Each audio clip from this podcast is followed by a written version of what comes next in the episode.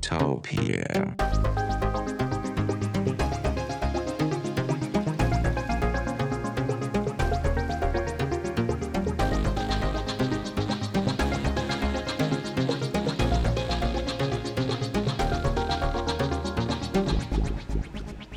Tektopia er en podcast om mennesker og deres teknologi. Den er udgivet af Ingeniørforeningen Ida i samarbejde med Teknologiens Mediehus, støttet af Ida Forsikring.dk og de to konferencer EUT og HI-messen hos Herning Messecenter. Mit navn er Henrik Føns, og det er mig, der bestemmer i Tektopia. Tektopia.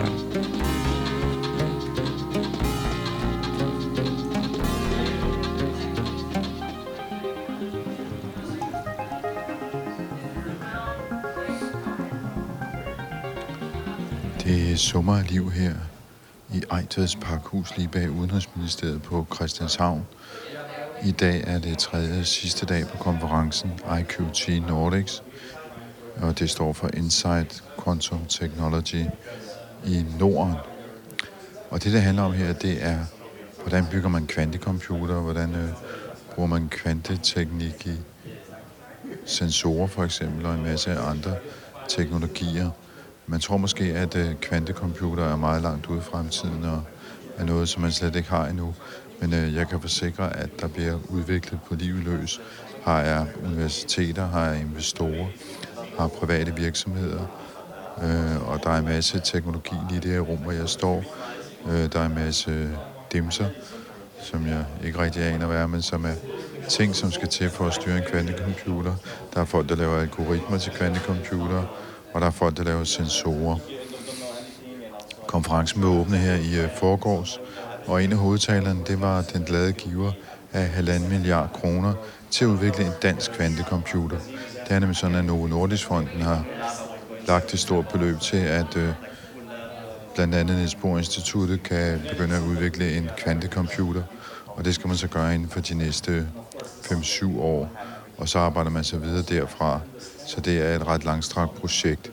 Og øh, kvinden, der står i spidsen for det hos Novo Nordisk Fonden, hun hedder Lene Oddershed, øh, og hun var med til at åbne konferencen her i forgårs. Men øh, et par dage før det, der var jeg ude og tale med hende på hendes kontor, for at høre, hvad det er for et projekt, og hvordan man kan bruge kvantecomputer til det, man kalder for life science, altså medicin og DNA og DNA-analyse og den slags ting. Mit navn er Lene Oddersede, og jeg er Senior Vice President ved Novo Nordisk Fonden. Mit, øh, min opgave her på fonden er at øh, stå for vores øh, aktiviteter inden for naturvidenskab og tekniske videnskaber. Og vi laver også rigtig meget inden for det interdisciplinære område. Jeg har en baggrund som fysiker, og har været ansat øh, på Niels Bohr Instituttet ind, som professor i fysik indtil år 2019, hvor jeg blev rekrutteret til Novo Nordisk Fonden for at stå i spidsen for den nye afdeling, som jeg leder nu inden for naturvidenskab og tekniske videnskaber. Og det, vi skal tale om i dag, det er jo, øh, det er jo kvantemekanik, Ja, kvanteteknologi. Øhm, har lavet en stor investering. så vi har faktisk øh, foretaget øh, øh, i- en enkelt investering, kan man sige, som er på halvanden milliard danske kroner, og som dermed er den største bevilling, der nogensinde er givet inden for naturvidenskabelige og tekniske område i Danmark. Og vi har valgt at, at lave den her meget store satsning, er det faktisk, på kvanteområdet, fordi vi mener, at det er et område, som er utroligt vigtigt øh, for Danmark, øh, og indeholder virkelig gode, godt potentiale øh, i forhold til at, at drive øh, fremtidens øh, virksomheder og vækst fremad.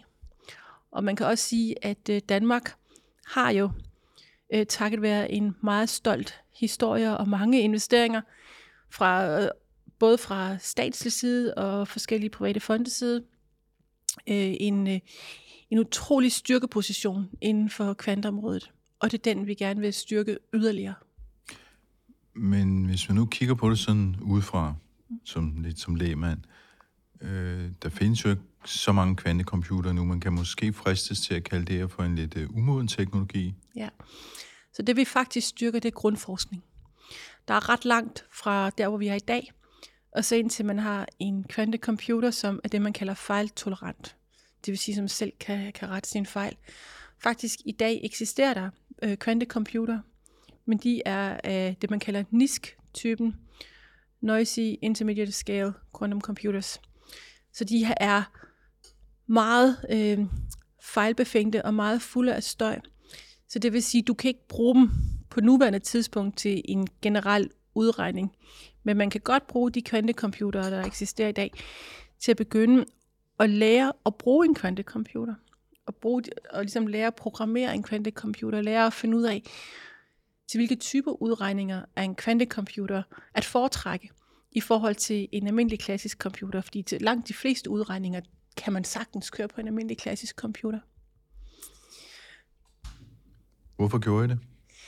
Så, øhm, så kvanteteknologier har jo øh, muligheden for at øh, accelerere øh, den håndtering, man kan lave af meget store datamængder, men også at få os til at, øh, at forstå i meget højere grad for eksempel, hvordan øh, biologiske molekyler øh, fungerer.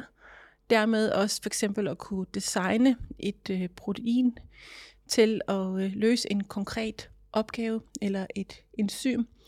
Så på den måde kan man sige, selvfølgelig ikke i dag, men hvis vi tager det lange lys på, så vil kvanteteknologier have en utrolig øh, Øh, stor betydning for vores øh, farmavirksomheder i Danmark.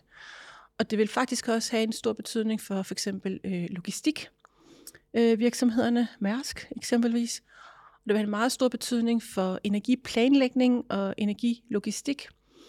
Øh, og det vil også have en utrolig stor betydning i forhold til kryptering og i forhold til at håndtere data på en forsvarlig måde og på og for, i forhold til at beskytte øh, de danske data. Så på en hel masse super essentielle områder vil kvanteteknologi virkelig bringe os ind i en ny verden. Og man kan sige, at hvis ikke vi hopper på vognen, hvis ikke vi faktisk investerer og gør noget nu, så øh, kommer vi bagud. Og det ønsker vi absolut ikke.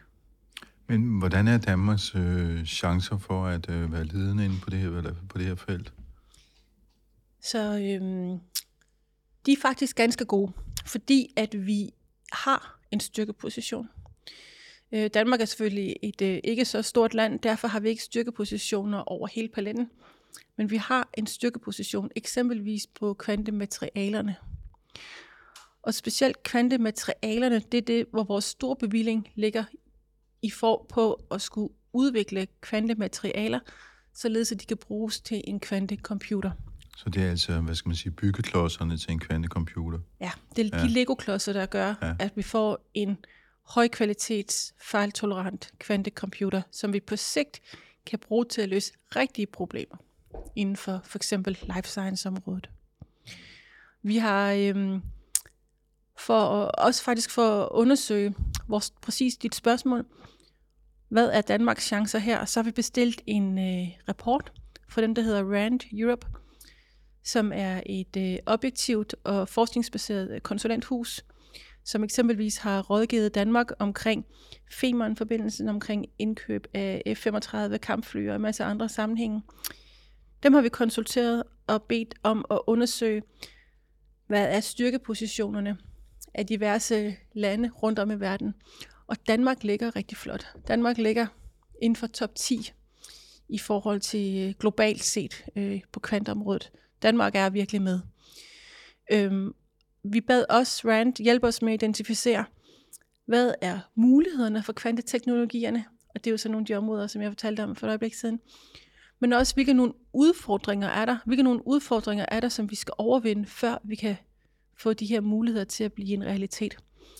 Og af udfordringer, nummer et er faktisk materialer. Vi er simpelthen nødt til at have nogle bedre materialer, før vi får en brugbar kvantecomputer.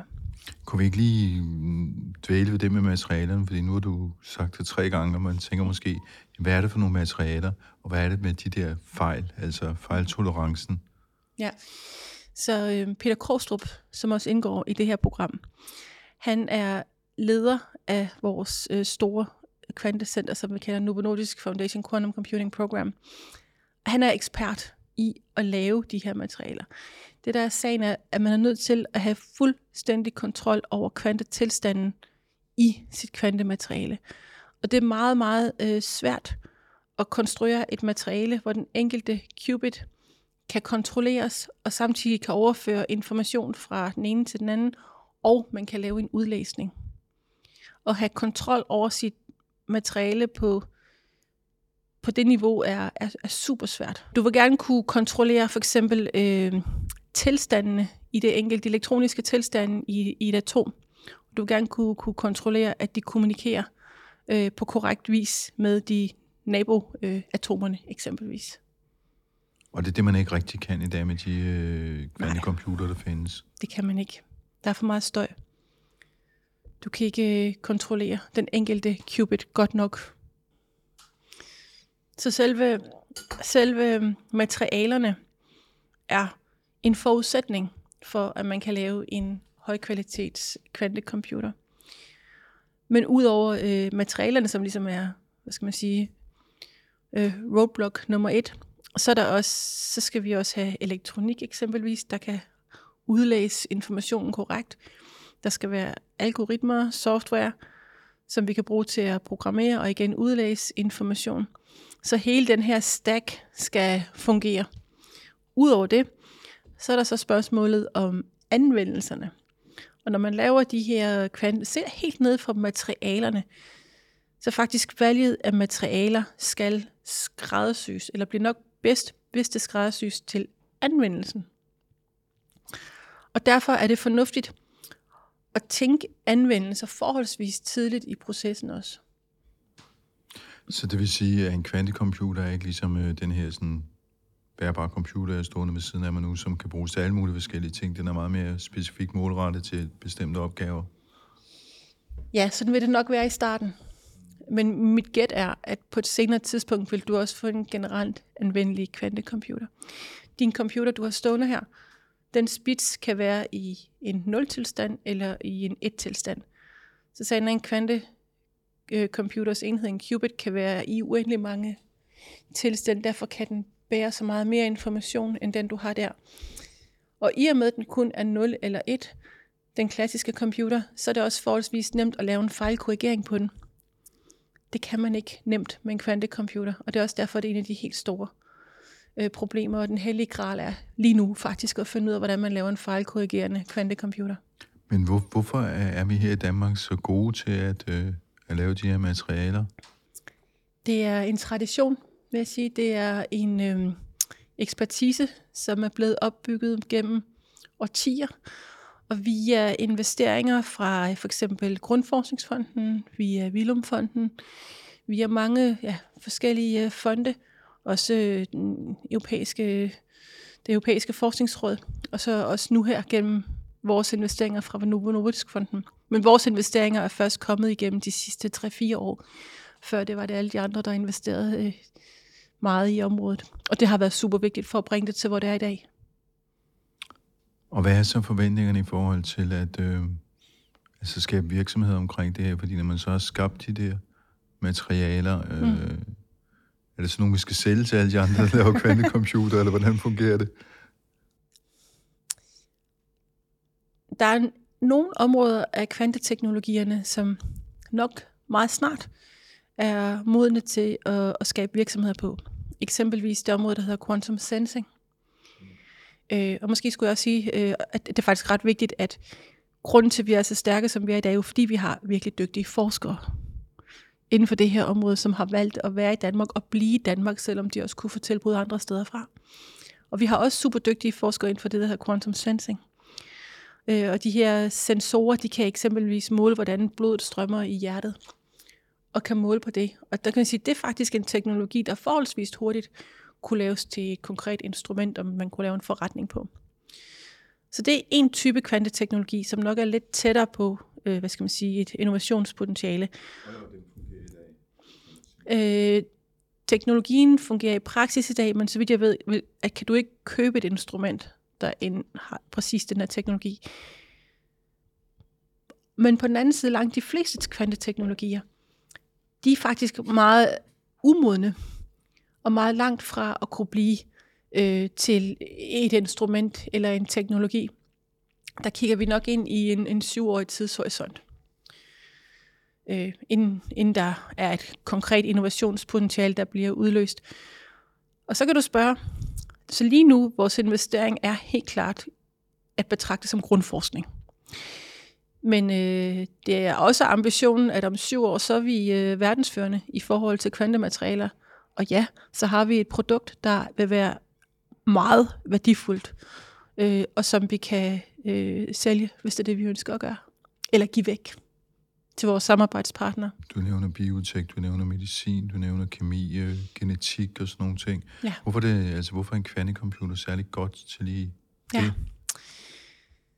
Du kan sige, der er flere aspekter i det. Øh, et aspekt er, at øh, den type data, der typisk kommer fra, fra lad os tage medicin, er ret støjfyldt data. Øh, det kan være genomisk data, det kan være øh, en, en patientjournal, der er skrevet ned med håndkraft af en læge, eller øh, hvor øh, du ved, en person, der der ligesom øh, dokumenterer et øh, sygdomsforløb, dokumenterer på en anden måde, end en anden person ville have gjort. Så du har data, der er ret så støjfyldt, og du har enorme mængder af data. Og en kvantecomputer vil være specielt god til at få information ud af støjfyldt data. Og det her, det medicinske område, er sådan set ret støjfyldt data. Og der er også enorme datamængder. Så de, de, de to ting i kombination med hinanden, gør, at man forventer, at kvantecomputeren er specielt god der. En anden ting, du kan sige, det er, at den, den gren, man kan kalde måske kvantesimulering, øh, hvor du bruger et kvantesystem til at forstå et andet kvantesystem med, er også utrolig godt i forhold til at forstå systemer, som faktisk er kvantemekaniske af natur. Så hvis du for eksempel har et, øh, et, øh, et medicament, du gerne vil have til at gå ned og ramme en bestemt receptor på en membran, så vekselvirkningen mellem de to molekyler er sådan set kvantemekanisk i natur. Og derfor vil du have en større chance for at forstå den her vekselvirkning, hvis du har en computer, som er kvantemekanisk af natur. Der er også øh, flere processer, som kræver en kvantemekanisk øh, øh, mekanisme. Eksempelvis øh, fotosyntesen, bare for at sige, når du har lys, der bliver overført til en exciteret elektron, og som bliver lavet om til energi til sidst. Øh, eller man har øh, et, et, et enzym, som indeholder øh, et lille metalkerne, øh, kerne, og hvor det igen er en lille metalkerne, der overfører også øh, exciterede elektroner til resten af systemet. Det kan man simpelthen ikke forstå uden at bruge kvantemekanik. Og det lyder måske som en lille ting, men det er faktisk en rigtig stor ting, og utrolig vigtigt. Øh, jeg vil gerne give et eksempel på det. Øh, der er et eksempel, øh, som er et enzym, der hedder nitrogenasen. Så nitrogenasen er i stand til at tage kvælstof fra atmosfæren og omdanne den til ammoniak. Så verden har meget stort behov for ammoniak, ellers skal vi simpelthen ikke brødføde verdens befolkning, som den er i dag. Det er gødning. Øhm, den proces, det er at den lave kvælstof om til ammoniak, er en ekstremt energikrævende proces, som den fungerer industrielt.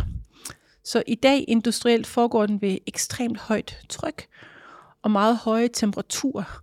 Det er derfor, den er så energi, energikrævende.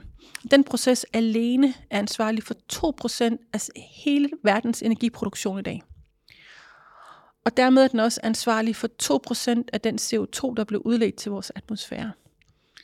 Hvis den proces kunne overtages af det lille enzym, eller hvis vi kunne forstå, hvordan enzymet fungerer, hvis vi dermed kunne, hvad skal man sige, øh, gentage naturens virkelig smarte måde at lave den her proces på, så kunne vi få energiforbruget helt ned. Og dermed kunne vi formodentlig, altså væsentligt formindske udledningen af CO2 og forbruget af energi generelt i hele verden.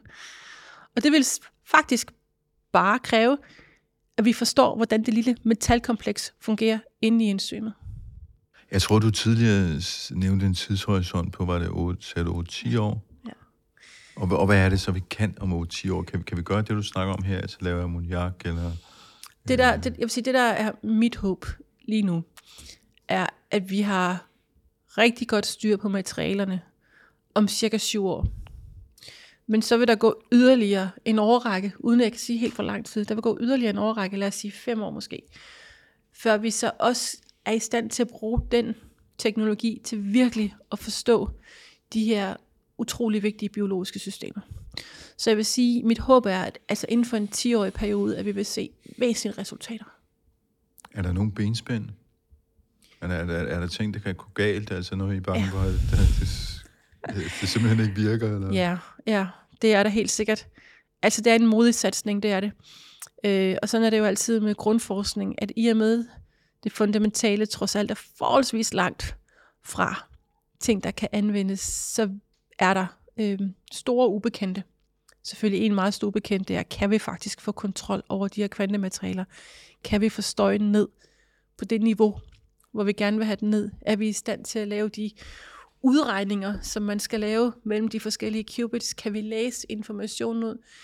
Kan vi stole på det, vi læser? Øh, og så videre, så videre. Det, det er alvorlige udfordringer. Sådan, sådan som jeg har forstået det, så er der også flere forskellige typer kvantecomputere. Ja. Øh, man skal vel også øh, vælge, hvilken type materiale man vil satse på så? Ja, det, det skal man. Og en ting, der er ret specielt ved, ved vores program, øh, som så ledes af Peter Krogstrup, er, at vi faktisk ikke har taget en beslutning om, hvilken qubit-type vi vil satse på. Man kan sige, at vi går lige niveauet øh, under, i og med, at vi i første omgang bruger meget, mange kræfter, meget energi på at udvikle materialerne. Og de materialer kan så gå i forskellige qubit-implementeringer. Så vi starter faktisk ud med at have 3-4 forskellige øh, qubit-platforme kørende. Og så når der er gået måske 5 år, vil vi foretage et valg omkring, hvilken en, eller måske to, vi ønsker at køre videre med, eller om det måske bliver noget, noget helt andet, fordi at der findes noget andet på det tidspunkt. Så vi har nemlig ikke foretaget valget endnu. Nu siger du fem år, så vælger I. Altså, hvor, hvor langt går den her investering, og kommer der en investering mere? Ja, så planen er, at vi har bevilget øh, halvanden øh, milliard kroner til fase 1, som vi kalder det, som er en syvårig periode. Så vores plan er, at øh, efter den her syvårige periode, skal der ligge en ny periode, som kunne være måske fem år. Og så kan der sagtens komme flere perioder efterfølgende. Men lige nu er planen 7 plus 5. Og så kommer der helt sikkert noget bagefter, som vi så ikke ved præcist, hvad er. Fordi det er en teknologi, der kan gå i rigtig mange forskellige retninger. Så derfor så, og det er også en, en teknologi, der har en forholdsvis lang tidshorisont. Det er også derfor, vi kigger på en teknologi med vores investering, der, der kører 12 år, hvilket er en forholdsvis lang tidshorisont. Det må man sige. Ja. Øh, men det skal der vel til, når man arbejder med den slags øh, grundforskning? Ja, og jeg vil sige, specielt inden for kvantområdet, der er det faktisk nødvendigt med en rimelig god tålmodighed. Er, er der en slags øh, kapløb de forskellige lande imellem? Fordi jeg kunne forestille mig, det kunne jeg også forstå på Jan Thomsen, da jeg snakkede med ham, at øh, USA arbejder hårdt på det, kineserne arbejder hårdt på det. Altså, der er mange forskellige lande, der arbejder ja. kraftigt på at skabe en kvantecomputer. Og hvis man når et vist punkt, så har man et forspring, som måske kan være svært for de andre at, at indhente. Ja, ja men det er korrekt. Det er korrekt. Øh, altså, det er et kapløb. Og det er et kapløb, hvor det bare er utrolig vigtigt at være med.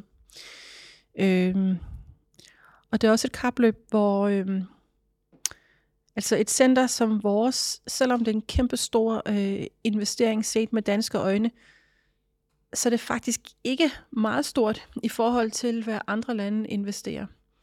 Og den eneste måde, vi kan have succes på, det er faktisk ved at være super smalle i vores fokus. Og sige, det er lige præcis det her, vi gerne vil opnå. Ikke at brede os for meget ud, men gå ligesom månemissionen, gå direkte efter at lande på månen. Ikke alle mulige svingærner rundt i universet, direkte til månen. Og det er det, det, det, vi kan gøre, og vi kan faktisk ikke heller gøre det alene. Vi er nødt til at arbejde sammen. Så i det her øh, center er der også øh, satellitter. Der er for eksempel en satellit på MIT, hvor de er eksperter i dem, der hedder Superconducting Qubits, som er en af de platforme, vi satser på. Og der er også andre øh, satellitter rundt om i verden, og også private virksomheder, som vi vil arbejde sammen med. Sådan så vi, vi bygger på den bedste ekspertise inden for de helt rigtige områder til at nå lige præcis det mål, vi gerne vil. Og man kan ikke gøre det uden, man kan simpelthen ikke gøre det alene. Man er nødt til at vælge samarbejdspartnere. Og så selvfølgelig vælge dem efter ekspertise, men også i nogen grad vælge dem efter, hvilket land de kommer fra. Det er så, det. så der er virkelig masser af internationalt samarbejde her? Der er masser af internationalt samarbejde, ja. Det er der. Og der er det selvfølgelig øh, også øh, noget af det, vi, vi øh, overvejer øh, meget dybt. Det er, hvem, hvem vælger vi at arbejde sammen med? Hvem er vores øh, trusted partners? Og her rådfører vi os også med, øh, med regeringen. Fordi det handler om teknologioverførsel, og der er noget måske risiko for industrispionage og andre ting. Ja, det handler om, om kritisk teknologi, som mm. godt kan have en betydning for den nationale sikkerhed. Det gør det. Hvordan kan det have en betydning for den nationale sikkerhed? Fordi øh, det drejer sig i det store hele om øh, information. Hvordan kan vi øh, håndtere information? Hvordan kan vi processere meget store mængder information? Hvordan kan vi kommunikere sikkert? Øh, hvordan kan vi kryptere? Hvordan kan vi afkryptere? Hvordan kan vi sikre os, at andre ikke tager vores øh, informationer, hacker vores systemer osv. osv. Og det er, det er super vigtige områder. Og selvfølgelig alle vores øh, sundhedsdata, bare for at nævne et eksempel, ikke? som er jo øh, ekstremt vigtigt for os, at vi holder dem øh, på sikker vis, og der ikke bliver adgang til dem fra nogen som helst øh, fremmede magter. Altså der er jo en hel, øh, hvad skal man sige, gren, der hedder quantum encryption, som går ud på at, øh, at, at kryptere data, således at du faktisk ikke kan afkryptere det, eller mindre du kender den præcise nøgle, kan du ikke afkryptere data. Hvis du forsøger at afkryptere data uden at have den rigtige øh, nøgle, så ødelægger du data. Så man kan ikke øh, læse det øh, uden at og hvad skal man sige, hvad den, den modtager, som burde modtage informationen. Og det var kvantekryptering? Ja, altså det, okay. ja. Og også lidt overlejet kvanteinformation, kan du sige. Så det er den måde, det adskiller sig fra almindelig kryptering på? Ja. Når du simpelthen ødelægger information, hvis du prøver at, prøver at bryde koden? Ja. Fordi du kan ikke... Så det, der er, er, er tricket, er, at hvis du har, hvis du har en kvantetilstand, så ved du reelt ikke, hvad den er, før du måler den. Og når du måler den, så tvinger du den ned i den tilstand. Og, og derfor kan man sige, at målingen på en måde ødelægger tilstanden. Og det er det, der gør det så helt anderledes end almindelig kryptering. Ja, må jeg give et eksempel? Ja, ja, Den berømte Schrödingers kat.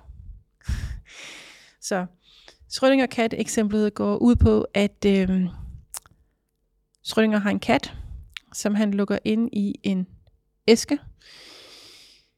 I æsken øh, er der øh, et radioaktivt materiale, som har øh, et vist øh, henfald.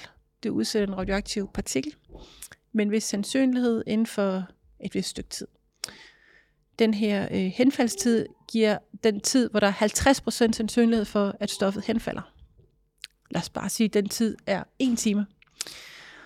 Øh, når stoffet henfalder, så vil der blive udløst en gift, og stør katten. Godt. Så nu går eksperimentet ud på, du lukker øh, dåsen, katten er derinde, giften er derinde, det radioaktive materiale er derinde, og så går der en time. Så nu er spørgsmålet, er katten død, eller er katten levende? Så sagen er, at der er 50% sandsynlighed for, at katten er død, og der er 50% sandsynlighed for, at katten er levende. Men du ved ikke, om katten er død eller levende, inden du åbner kassen og kigger efter. Så det vil sige, den er reelt i den her superposition af død og levende, indtil du foretager målingen.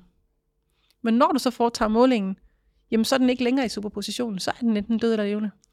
Og det samme med, med, med, kvante, med, med kvantekommunikation, at du har de her fotoner for eksempel.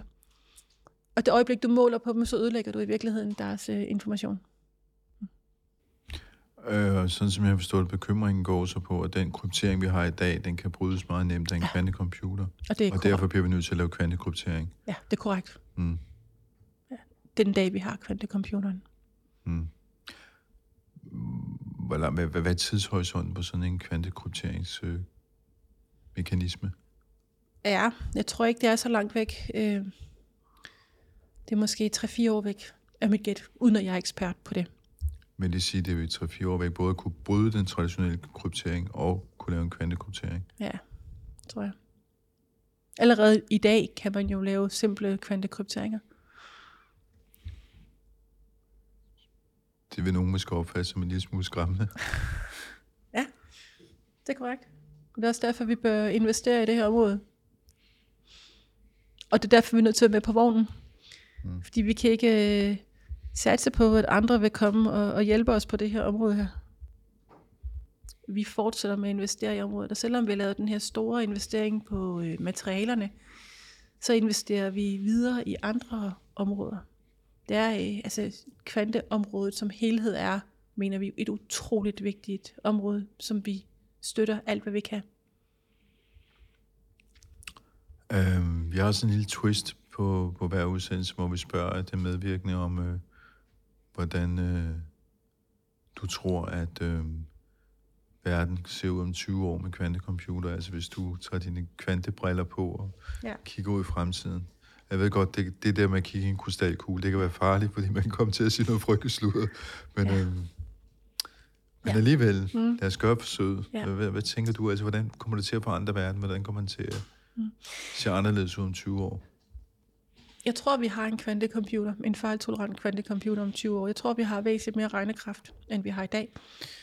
Og jeg tror, det betyder i praksis, eksempelvis, at øhm, hvis man tager til lægen, og man har en, en, en sjælden sygdom, øh, så vil lægen være væsentligt bedre til at give den medicin, ordinere den medicin, den behandling, som passer individet bedst. Man vil være meget bedre til ud fra vedkommendes genom, øh, sygehistorie, familie osv. osv. Vil man, fordi man er i stand til at processere den her meget komplekse type data, vil man være i stand til at lave det, der hedder præcisionsmedicin. Og det vil komme rigtig mange patienter til glæde og gavn. Fordi i dag er der jo mange, som får en behandling, som faktisk ikke er optimal for dem. Lad os bare sige for, for højt blodtryk eksempelvis, men det kunne også være en, en cancerbehandling, hvor man, jeg er sikker på, at man bliver bedre til at skræddersy til den, det enkelte individ, og det vil vi virkelig få glæde af. Jeg tror også, man bliver bedre til at øh, accelerere udviklingen af nye medicamenter, og det vil vi også få glæde af. Jeg tror også, vi vil blive bedre til at øh, forbedre logistik og forbedre energiproduktion. Og det er jo noget af det, der virkelig kommer til at betyde noget for os, at vi, ja, at vi kan øh, nedbringe mængden af fossile brændstoffer, vi kan udnytte den energi, vi har til rådighed på bedre vis. Det tror jeg også. Og det er selvfølgelig alle sammen meget positive øh, konsekvenser. Og jeg mener helt sikkert også, at det, at det, det, det, det, det, det vigtigste, det er de positive konsekvenser på, hvad skal man sige, den lidt mere øh, negative side er selvfølgelig, at, øh, at vi skal blive bedre til at passe på vores information, fordi det vil være muligt, øh, at folk med måske ikke helt gode hensigter, at de øh, bryder koder og stjæler information, og det er vi simpelthen nødt til at sikre os imod. Måske kunne jeg også tilføje, ud fra en, en sikkerhedsvinkel, vi bliver jo også øh, tydeligvis bedre i forhold til at kunne se, hvor, altså for eksempel, hvor, hvor der ubåde henne, de signaler, som de sender, vil man kunne fange op ved hjælp af kvantesensorer osv. osv. Så der vil også være en kæmpe udvikling på den militære front og på kommunikationsfronten. Og det sagde altså Lene Årsæd fra Novo Nordisk Fonden, der har lagt halvanden milliard kroner til, at man kan begynde at bygge på en dansk kvantecomputer, som også gerne skulle få et internationalt gennembrud. Og manden, der byggede den, han hedder Peter Krogstrup. Han er professor på Niels Bohr Instituttet, og ham kan du møde i næste udgave af Tektopia, hvor han fortæller mere om, hvad det egentlig er, han er gået i gang med at bygge. Inden vi slutter, skal vi også have et podcast fra Ingeniørens podcast Transformator. Vi var nogle fysikere fra Niels Bohr Instituttet, der bryggede øl. Øhm, faktisk i kælderen på Niels Bohr Instituttet. Det er vi rigtig glade for, at vi fik lov til dengang. Og vi havde ligesom forladt instituttet og arbejdet rundt omkring ude i verden. Vi blev med at brygge øl, og vi blev med at snakke om atomkraft. Og som fysiker, så er man god til at se problemer. Og når man kigger på de problemer, vi kigger på med, som verden med, med global opvarmning, så kan man se, at der er noget, der er nødt til at gøres anderledes, end vi gør det i dag, på sådan en global plan. Øhm, og atomkraft kan simpelthen ikke undgå at være en del af løsningen der. Så vi sad tit, når vi bryggede eller drak vores øl, så sad vi og snakkede om, hvorfor er der ikke nogen, der gør noget ved det her? Indtil vi en dag indså, at folk kommer ikke til at gøre noget. Hvis der er nogen, der skal gøre noget, så er det os. Sådan taler en mand, der er godt i gang med at lave Danmarks første kommercielle atomkraftværk, som altså vil bygge på flydende pramme og køre på smeltet salt. Det er effektivt, det er ufarligt, det er fremtiden, siger manden, og han hedder Troels Schönfeldt. Han startede Seaborg Technologies, og som du så kan møde i denne uges Transformator.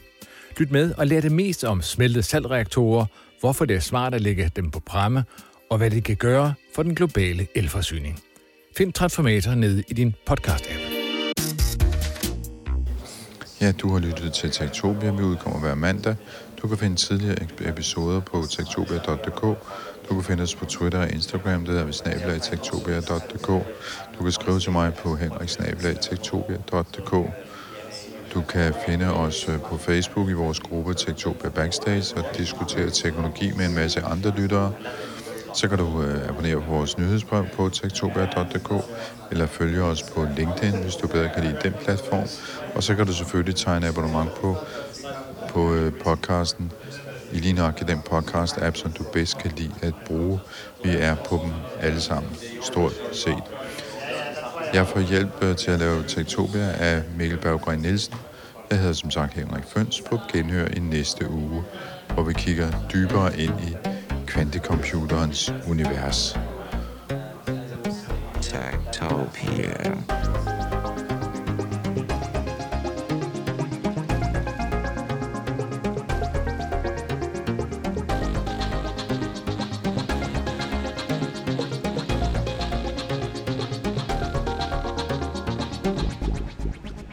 Tektopia er en podcast om mennesker og deres teknologi. Den er udgivet af Ingeniørforeningen Ida i samarbejde med Teknologiens Mediehus, støttet af Ida Forsikring.dk og de to konferencer IoT og HI-messen hos Herning Messecenter. Mit navn er Henrik Føns, og det er mig, der bestemmer i Tektopia. Tektopia.